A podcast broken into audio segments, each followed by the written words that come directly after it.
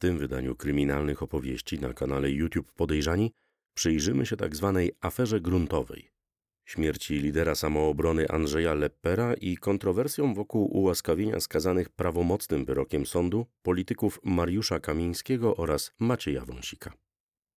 Na początek zachęcamy Was do zasubskrybowania naszego kanału i kliknięcia ikony dzwonka, abyście zawsze byli na bieżąco z najnowszymi wiadomościami kryminalnymi. Podyskutujecie o nich także na Discordzie Kryminalne Opowieści. Linki znajdziecie w opisie tego odcinka. Afera gruntowa wybuchła 9 lipca 2007 roku, gdy pełniący wówczas funkcję prezesa Rady Ministrów, a więc premier Jarosław Kaczyński z Prawa i Sprawiedliwości, zdymisjonował wicepremiera i jednocześnie ministra rolnictwa Andrzeja Leppera z Samoobrony. Wyszło przy tym na jaw, że 6 lipca agenci Centralnego Biura Antykorupcyjnego zatrzymali współpracownika Leppera Piotra Rybę oraz Andrzeja K. Zdaniem śledczych mieli oni w imieniu Leppera i własnym domagać się korzyści majątkowej za pomoc w odrolnieniu gruntów. Co istotne, do wręczenia łapówki ostatecznie nie doszło, bo jak tłumaczył ówczesny szef CBA Mariusz Kamiński, doszło do bliżej nieokreślonego przecieku informacji, który zdemaskował całą akcję. Była to bowiem prowokacja służb w formie łapówki kontrolowanej, stanowiąca finał czynności prowadzonych przez agentów CBA już od pewnego czasu. Weszli oni w posiadanie informacji o dwóch biznesmenach, którzy twierdzili, że są w stanie za pieniądze odrolnić każdy grunt w Polsce. Część wynagrodzenia za taką pomoc miałaby trafić do Andrzeja Leppera, wiceprzewodniczącego klubu parlamentarnego samoobrony Janusza Maksymiuka, należącego do kluczowych postaci ujawnienia tzw. Tak afery taśmowej z września 2006 roku i jeszcze jednej osoby. Agenci postanowili zweryfikować tę wiedzę w praktyce, udając przedsiębiorców ze Szwajcarii zainteresowanych odrolnieniem 40 hektarów gruntu w Muntowie, nieopodal Moronga na Mazurach. Jednym z podejrzanych o wspomniany przeciek informacji był Janusz Kaczmarek, piastujący wtedy stanowisko ministra spraw wewnętrznych i administracji. Zdaniem prokuratury miał on dzień przed finałem prowokacji spotkać się w hotelu Marriott w Warszawie z biznesmenem i jednym z najbogatszych Polaków Ryszardem Krause. Ten natomiast niewiele później spotkał się z posłem samoobrony Lechem Woszczerowiczem. To Woszczerowicz miał przekazać informacje o prowokacji Andrzejowi Lepperowi, ten Januszowi Maksymiukowi, a on dalej Piotrowi Rybie i Andrzejowi K. 31 sierpnia 2007 roku prokuratura ujawniła nagrania z kamer zamontowanych w hotelu Marriott oraz zapis rozmów zarejestrowanych przez podsłuchy na telefonach. Brali w nich udział Janusz Kaczmarek, Konrad Kornatowski, ówczesny komendant główny policji i prezes Powszechnego Zakładu Ubezpieczeń Jaromir Necl. To te materiały stały się podstawą do przyjęcia opisanej wcześniej drogi przecieku i zatrzymania dzień przed ich publikacją Kaczmarka, Kornatowskiego i Necla przez Agencję Bezpieczeństwa Wewnętrznego jako podejrzanych o utrudnianie postępowania karnego. Kaczmarek miał znajdować się wtedy w domu dziennikarza Sylwestra Latkowskiego. 30 listopada 2009 roku prokurator prokuratury okręgowej w Warszawie umorzył śledztwo w sprawie składania fałszywych zeznań przez Janusza Kaczmarka, Konrada Kornatowskiego i Ryszarda Krauzego. Pomimo tego w lutym 2012 roku uznano, że zatrzymanie Kaczmarka w sierpniu 2007 było legalne a postępowanie dotyczące przekroczenia uprawnień przez funkcjonariuszy CBA i ABW, m.in. przy zatrzymaniu Kaczmarka, umorzono ze względu na brak znamion przestępstwa. Lider samoobrony zaprzeczał, jakoby o akcji CBA dowiedział się od posła swojej partii. Utrzymywał za to, że o planach służb dowiedział się już w czerwcu 2007 roku od ówczesnego ministra sprawiedliwości i prokuratura generalnego Zbigniewa Ziobry z Prawa i Sprawiedliwości. Jak się jednak okazało, Ziobro nagrał rozmowę na dyktafon i przedstawił potem nagranie śledczym jako dowód na to, że nie wspominał Leperowi o prowokacji agentów CBA. Piotr Ryba i Andrzej K. usłyszeli zarzuty dotyczące płatnej protekcji, czyli pośredniczenia w załatwieniu sprawy z wykorzystaniem swoich wpływów w Ministerstwie Rolnictwa w zamian za korzyść majątkową lub obietnicę jej otrzymania. Okręgowa w Warszawie wniosła do Sądu Rejonowego dla Warszawy Śródmieścia akt oskarżenia w sprawie tzw. Tak afery gruntowej. Oskarżonymi są Piotr R. i Andrzej K. Są oni oskarżeni o to, że powołując się na wpływy w Ministerstwie Rolnictwa podjęli się pośrednictwa w odrolnieniu działki położonej na terenie gminy Mrągowo w zamian za korzyść majątkową. Nadto Andrzej K. oskarżony jest o przyjęcie korzyści majątkowej w postaci telefonu komórkowego. Czyny zarzucane obu oskarżonym y, zagrożone są karą pozbawienia wolności od 6 miesięcy do 8 lat. W dniu dzisiejszym został skierowany akt oskarżenia do sądu w tej sprawie. Ryba, były dziennikarz TVP, do listopada 2006 roku pracujący w firmie telekomunikacyjnej Dialog, związany z samoobroną, miał kontaktować się z przedstawicielami Ministerstwa Rolnictwa, by zasięgać informacji o postępach w odrolnieniu gruntu na Mazurach i przekazywać ewentualne uwagi Andrzejowi K. K., rekomendowany swego czasu przez Prawo i Sprawiedliwość na stanowisko wiceprezesa firmy telekomunikacyjnej Dialog, negocjował natomiast z rzekomym przedsiębiorcą ze Szwajcarii, a w rzeczywistości z podstawionym agentem CBA. Początkowo łapówka miała sięgać aż 6 milionów złotych. Ostatecznie jednak kwotę tę ograniczono do 2 milionów 700 tysięcy złotych. Groziło im za to od 6 miesięcy do 8 lat pozbawienia wolności. Obaj zostali tymczasowo aresztowani, a potem zwolnieni za poręczeniem majątkowym. K 31 grudnia 2007 roku, Ryba 20 czerwca 2008 roku. 10 września 2008 K przyznał się do zarzuconych mu czynów, w przeciwieństwie do Ryby, który twierdził, że w całą sprawę wciągnął go ten pierwszy.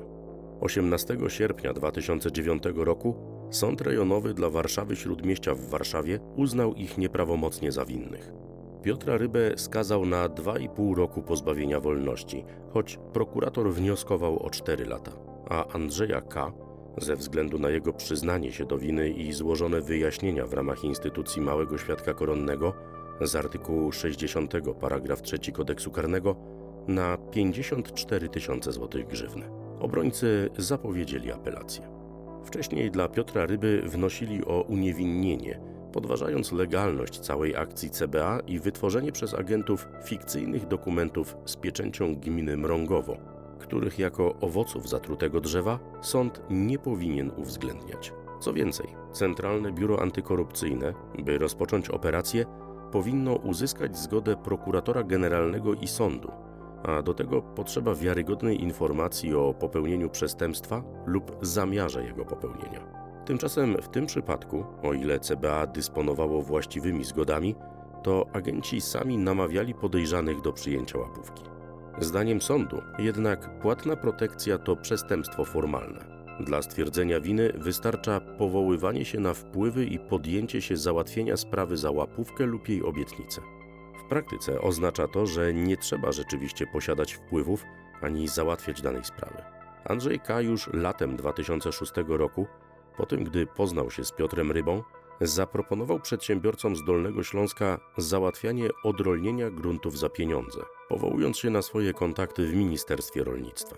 Gdy na krótko z funkcji wicepremiera odwołano Leppera, Andrzej K. informował biznesmenów, że nie może im już pomóc. Ale gdy Lepper wrócił na stanowisko, K. potwierdził swoim kontrahentom, że znów może podjąć się pośredniczenia w odrolnieniu gruntów. Sąd uznał przy tym, że ryba nie pomagał K jedynie po koleżeńsku, jak utrzymywał, ale dla pieniędzy.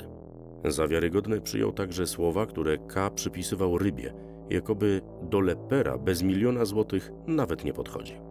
29 czerwca 2010 roku Sąd Okręgowy w Warszawie uchylił wyrok i przekazał sprawę do ponownego rozpatrzenia Sądowi Rejonowemu dla Warszawy Śródmieścia w Warszawie zalecając przyjrzenie się legalności działań agentów CBA.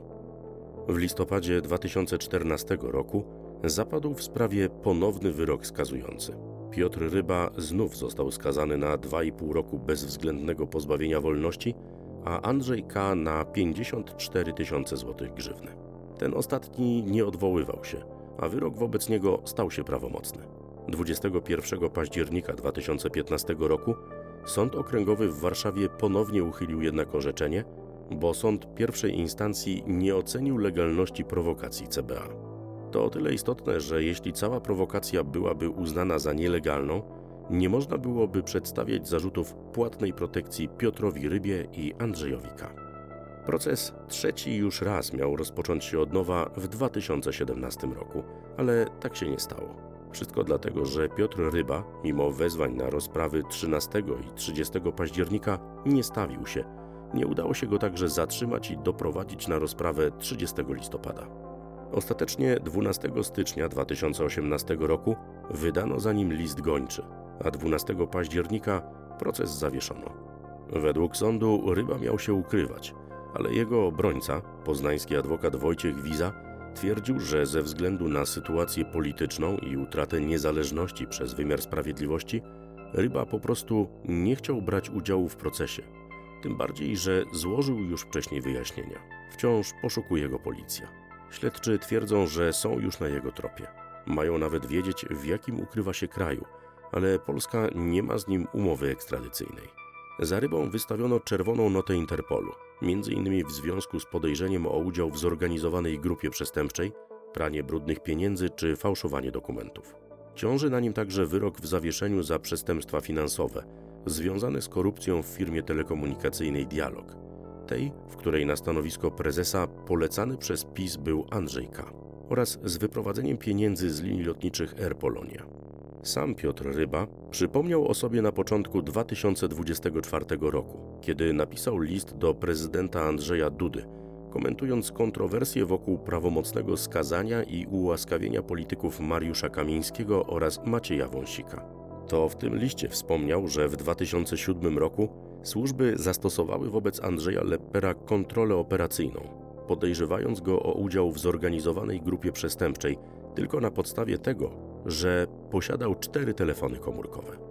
Agenci CBA mieli też wywierać na rybę naciski, by obciążył w swoich wyjaśnieniach lidera samoobrony. Afera gruntowa doprowadziła do ostatecznego rozpadu rządzącej koalicji Prawa i Sprawiedliwości, Ligi Polskich Rodzin i Samoobrony, choć tak naprawdę kryzys polityczny w Polsce trwał już od pewnego czasu. Już we wrześniu 2006 roku rząd premiera Jarosława Kaczyńskiego, który stał się rządem mniejszościowym, poszukiwał większości parlamentarnej. Andrzej Leper z Samoobrony zwołał konferencję prasową, na której pokazał telefon posłanki swojej partii Marzeny Paduch, która otrzymała wiadomość od posła Prawa i Sprawiedliwości Marka Suskiego z propozycją przejścia do PiS w zamian za stanowisko w rządzie. Zdaniem Leppera takie wiadomości miała otrzymać większość posłów samoobrony, a część negocjowała nawet z PiS. Po konferencji prasowej dziennikarze TVN Andrzej Morozowski i Tomasz Sekielski, prowadzący program Teraz My, zwrócili się do szefa klubu parlamentarnego samoobrony Janusza Maksymiuka z propozycją nagrania negocjacji pomiędzy kimś z grona posłów samoobrony a PiS z użyciem ukrytej kamery. Maksymiuk skontaktował dziennikarzy z posłanką Renatą Beger. Już 26 września 2006 roku telewizja TVN opublikowała nagrania, które zarejestrowano w pokoju poselskim Beger. Doszło tam do jej spotkania z ministrami Adamem Lipińskim i Wojciechem Mojzesowiczem z PiS. Rozmowa dotyczyła jej wystąpienia z samoobrony wraz z kilkoma innymi posłami w celu poparcia rządu Prawa i Sprawiedliwości. W zamian mieli otrzymać korzyści, takie jak stanowisko podsekretarza stanu w Ministerstwie Rolnictwa dla Beger. Minister Lipiński zapewniał, że wystarczy jedna rozmowa z premierem Kaczyńskim, by to załatwić. Najpierw porozmawiamy o mnie. Ale rozumiem, że jeżeli chodzi o, pan, o Pani propozycję, to to jest kwestia sekretarza stanu w Ministerstwie Rolnictwa i wstąpienia Pani do PiSu. To jest moja jedna rozmowa z prezesem, że to nie jest. Tak, ale ja powiedziałam więcej. Opozycja nazwała to polityczną korupcją, a premier Kaczyński bronił racji PiS, mówiąc, że określenie rokowań koalicyjnych korupcją to kłamstwo. 29 września Renata Beger złożyła w prokuraturze zawiadomienie o podejrzeniu popełnienia przestępstwa czynnego łapownictwa przez obu ministrów. Kaczyński w wywiadzie telewizyjnym przeprosił tych, którzy poczuli się zniesmaczeni sytuacją, ale nie zapowiedział dymisji ministrów. Niespełna miesiąc później Mojzesowicz sam podał się do dymisji. Stowarzyszenie Dziennikarzy Polskich potępiło opublikowanie taśm przez telewizję TVN, podkreślając, że cele propagandowe nie mieszczą się w standardach rzetelnego dziennikarstwa. W marcu 2007 roku śledztwo w sprawie korupcji umorzono ze względu na brak obietnicy korzyści majątkowej. To afera taśmowa przyczyniła się do chwilowego odwołania Andrzeja Leppera z funkcji wicepremiera i ministra rolnictwa. Choć oficjalnie chodziło o prezentację nieustalonej listy żądań budżetowych, co miało pokrywać się czasowo z informowaniem kontrahentów przez Andrzeja K., że nie będzie mógł im pomóc w odrolnieniu gruntów. Co ciekawe, po ostatecznym odwołaniu Leppera ze stanowiska wicepremiera i ministra rolnictwa 9 lipca 2007 roku w związku z aferą gruntową, jego następcą jako minister rolnictwa został Wojciech Mojzesowicz z PiS, jeden z głównych bohaterów afery taśmowej.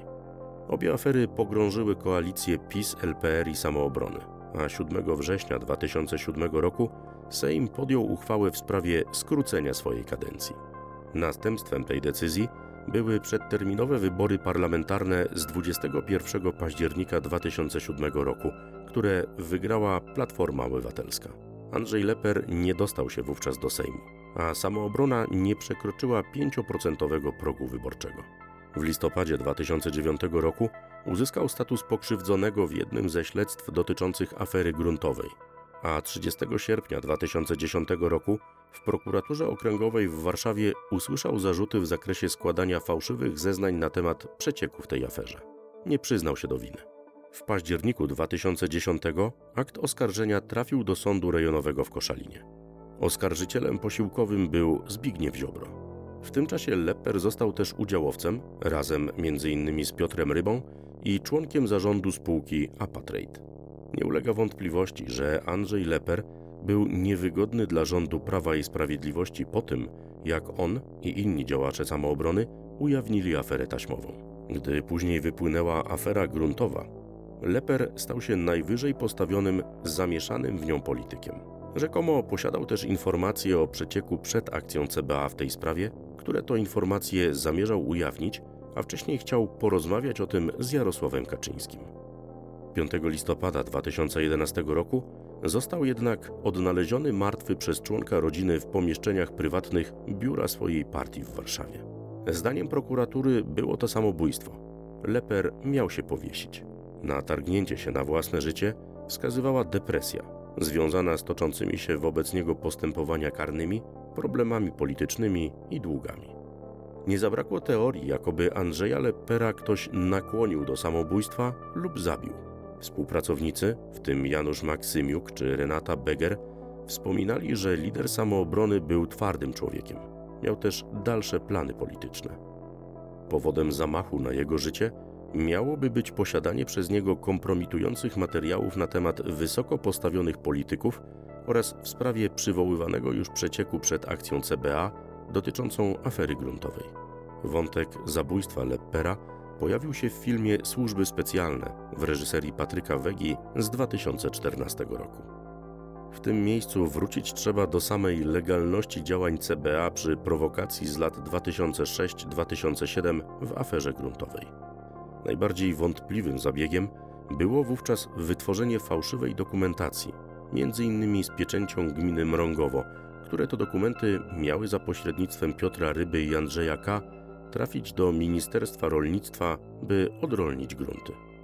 28 czerwca 2007 roku wójt gminy Mrągowo, Jerzy Krasiński, zawiadomił lokalną jednostkę prokuratury o podejrzeniu fałszowania dokumentów, pieczęci i podpisów przez nieznanego sprawcę. Wszystko dlatego, że 8 czerwca w urzędzie gminy Mrągowo pojawili się mężczyźni podający się za funkcjonariuszy Centralnego Biura Śledczego, którzy pytali Krasińskiego, jak zamierza ustosunkować się do pisma Ministerstwa Rolnictwa wzywającego do uzupełnienia braków formalnych wniosku. 14 czerwca Agnieszka Z przesłała do urzędu wniosek wraz z pismem uzupełniającym ten wniosek, a także wykazem właścicieli gruntów, pod którym podpis złożył pracownik urzędu. Wójt uznał jednak, że podpisy i pieczęcie na dokumentach mogą być sfałszowane. W ramach czynności sprawdzających ustalono, że mężczyźni, którzy podawali się w urzędzie za funkcjonariuszy policji, przyjechali samochodem zarejestrowanym na Centralne Biuro Antykorupcyjne. Postępowanie przekazano najpierw do prokuratury okręgowej w Warszawie, a potem w Rzeszowie, gdzie 23 sierpnia 2007 roku wszczęto śledztwo. To rzeszowska prokuratura przedstawiła 9 września 2009 roku zarzuty popełnienia przestępstwa przekroczenia uprawnień przeciwko wiarygodności dokumentów i innych ówczesnemu szefowi CBA Mariuszowi Kamińskiemu jego zastępcy Maciejowi Wąsikowi oraz dwóm innym funkcjonariuszom Grzegorzowi P. i Krzysztofowi B. Treść postanowień o przedstawieniu zarzutów objęto klauzulą ściśle tajne, a późniejszy akt oskarżenia we wrześniu 2010 roku skierowano do Sądu Rejonowego dla Warszawy Śródmieścia. Tego samego, który rozpatrywał sprawę afery gruntowej przeciwko Piotrowi Rybie i Andrzejowi K. w pierwszej instancji.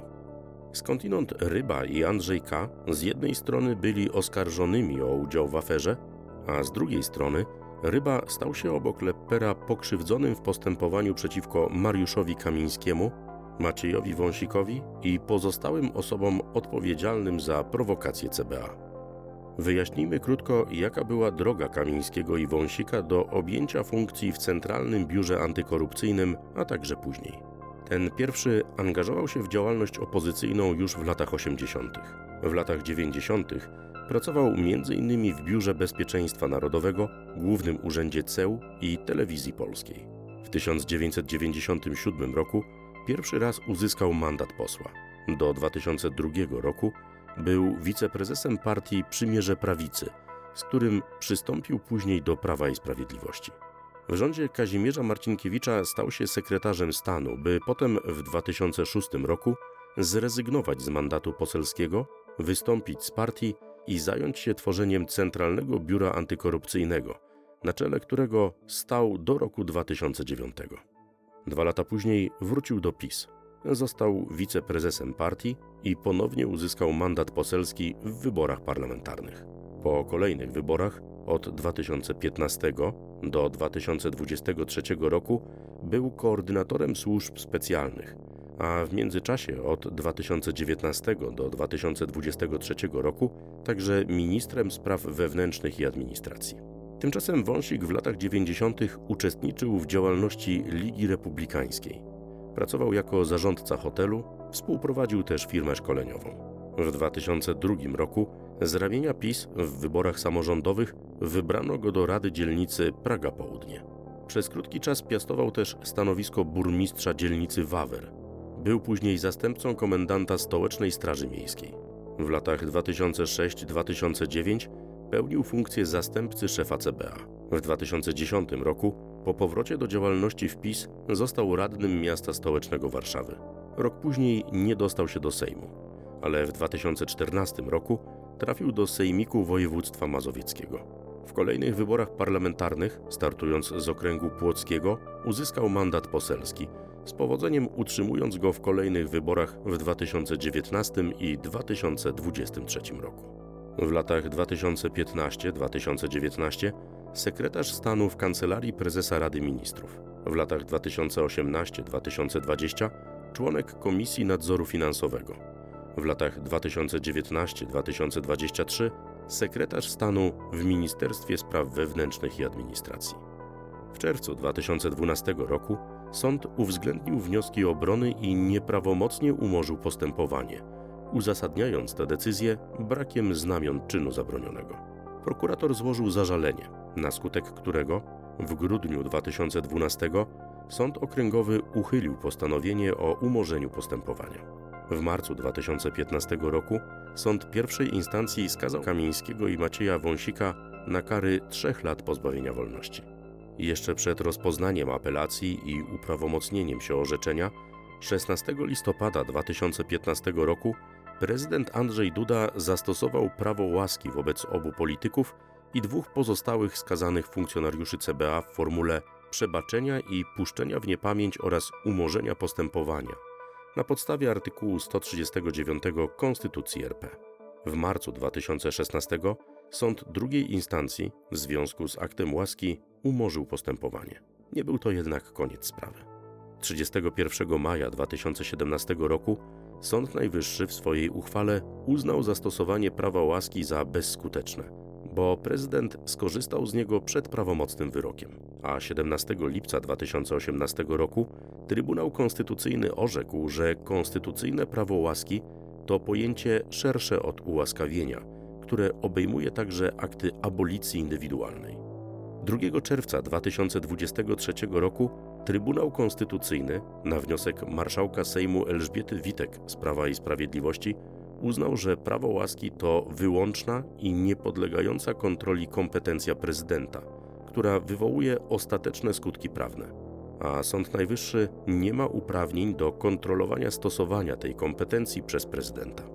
Kilka dni później Sąd Najwyższy, powołując się na jedną ze swoich uchwał oraz fakt, że prezydent zastosował prawo łaski w formie zbliżonej do abolicji indywidualnej, której nie wymienia się w przepisach polskiego prawa, a co stało się podstawą błędnej wykładni sądu drugiej instancji, uchylił postanowienie sądu z marca 2016 roku o umorzeniu postępowania i przekazał sprawę do ponownego rozpoznania.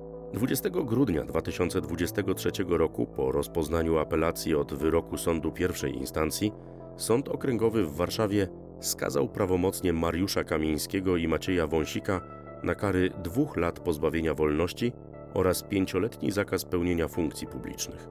W późniejszym czasie zarządzono wykonanie kary, a dalej doprowadzenie obydwu skazanych do jednostek penitencjarnych przez policję. 9 stycznia 2024 roku nie udało się zatrzymać ich w miejscach zamieszkania. Jak się okazało, znaleźli się w pałacu prezydenckim. W ciągu dnia wyszli przed budynek, by wygłosić oświadczenie dla mediów, a następnie wrócili do środka.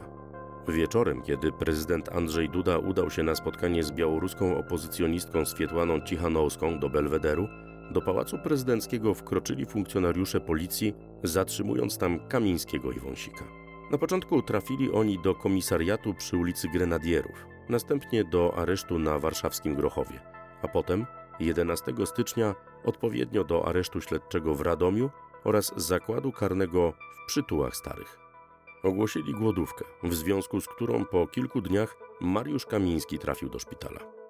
Prezydent Andrzej Duda przez długi czas utrzymywał, że zastosowanie przez niego prawa łaski z 2015 roku pozostawało w mocy. Zwrócił się jednak do ministra sprawiedliwości i prokuratora generalnego Adama Bodnara, by wszczął on postępowanie ułaskawieniowe w trybie kodeksu postępowania karnego, co też ten uczynił. Prośba prezydenta obejmowała również zwolnienie Kamińskiego i Wąsika z jednostek penitencjarnych. Minister negatywnie zaopiniował prośbę o ułaskawienie i zwolnienie obydwu polityków. 23 stycznia 2024 roku prezydent Andrzej Duda, powołując się m.in. na zły stan zdrowia skazanych, ponownie ich ułaskawił. Tego samego dnia odzyskali wolność. W międzyczasie 21 grudnia 2023 roku marszałek Sejmu Szymon Hołownia uznał wygaśnięcie mandatów poselskich Kamińskiego i Wąsika na podstawie przepisów kodeksu wyborczego w związku z ich prawomocnym skazaniem, przekazując odwołania byłych posłów do Sądu Najwyższego i składając wniosek o opinię do Państwowej Komisji Wyborczej. PKW przez długi czas nie odpowiedziało marszałkowi Sejmu, ale po orzeczeniach Sądu Najwyższego przewodniczący PKW wystosował do Hołowni pismo z pytaniem, czy podtrzymuje swój wniosek. Jako, że wniosek podtrzymano, w odpowiedzi PKW przekazało trójkę kandydatów, którzy uzyskali najwyższe wyniki z list PiS jedynie po Mariuszu Kamińskim, bo informacja o wygaśnięciu jego mandatu pojawiła się już w monitorze polskim, w przeciwieństwie do Wąsika. PKW zaznaczyła jednak, że to tylko informacja, a nie zajęcie stanowiska w sporze politycznym. Różnice w decyzjach co do mandatów poselskich Kamińskiego i Wąsika wynikają z odmiennych stanowisk poszczególnych izb Sądu Najwyższego. 5 stycznia 2024 roku Izba Kontroli Nadzwyczajnej i Spraw Publicznych Sądu Najwyższego podważyła decyzję marszałka Sejmu o wygaśnięciu mandatów.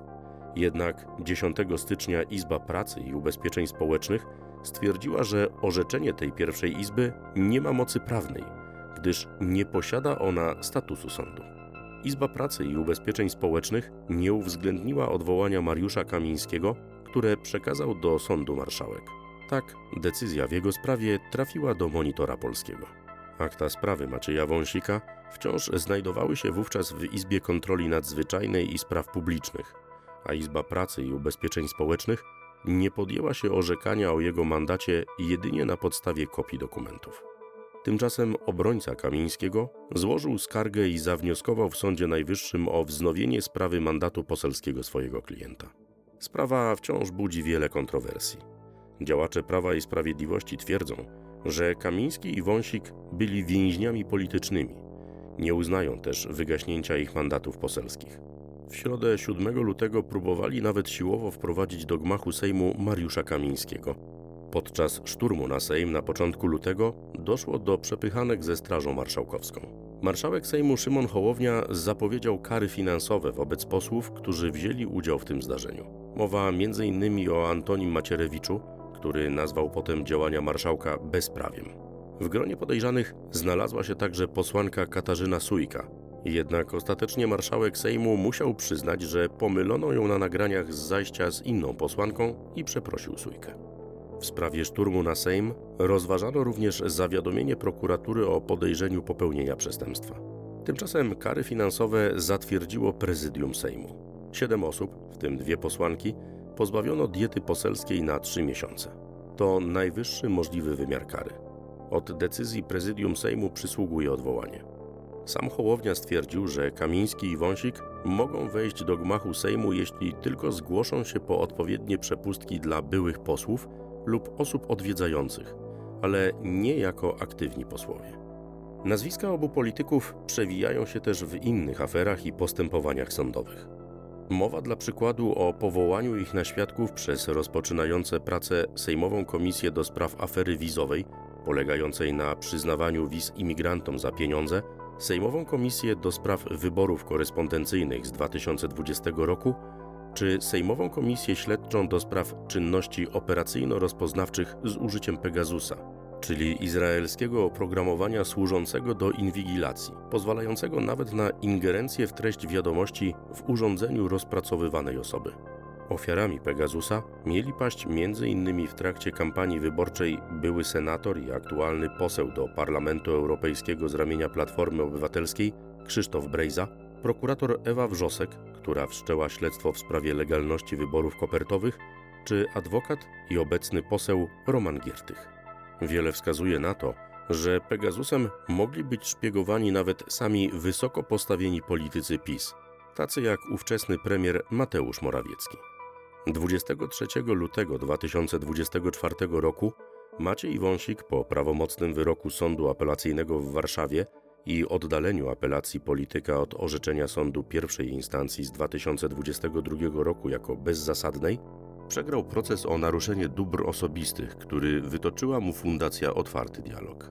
Wąsika zobowiązano do przeproszenia przedstawicieli fundacji Ludmiły Kozłowskiej i Bartosza Kramka na antenach TVP Info, telewizji Republika oraz na łamach Gazety Polskiej Codziennie, a także do poniesienia kosztów postępowania. Sprawa dotyczyła jego medialnych wypowiedzi na temat fundacji, m.in. z 2018 roku, właśnie dla Gazety Polskiej Codziennie, czy z 2019 roku dla TVP Info, których wskazywał na rzekome powiązania Fundacji Otwarty Dialog z Rosją, działania hybrydowe i udział w praniu brudnych pieniędzy. Dzień później, w sobotę, 24 lutego wieczorem, Maciej Wąsik i Mariusz Kamiński pojawili się wraz z innymi politykami PiS, m.in. z byłym ministrem edukacji Przemysławem Czarnkiem, w Lublinie na jednym z serii spotkań wolnych Polaków, które stanowią element kampanii przed kwietniowymi wyborami samorządowymi. To wszystko na dzisiaj.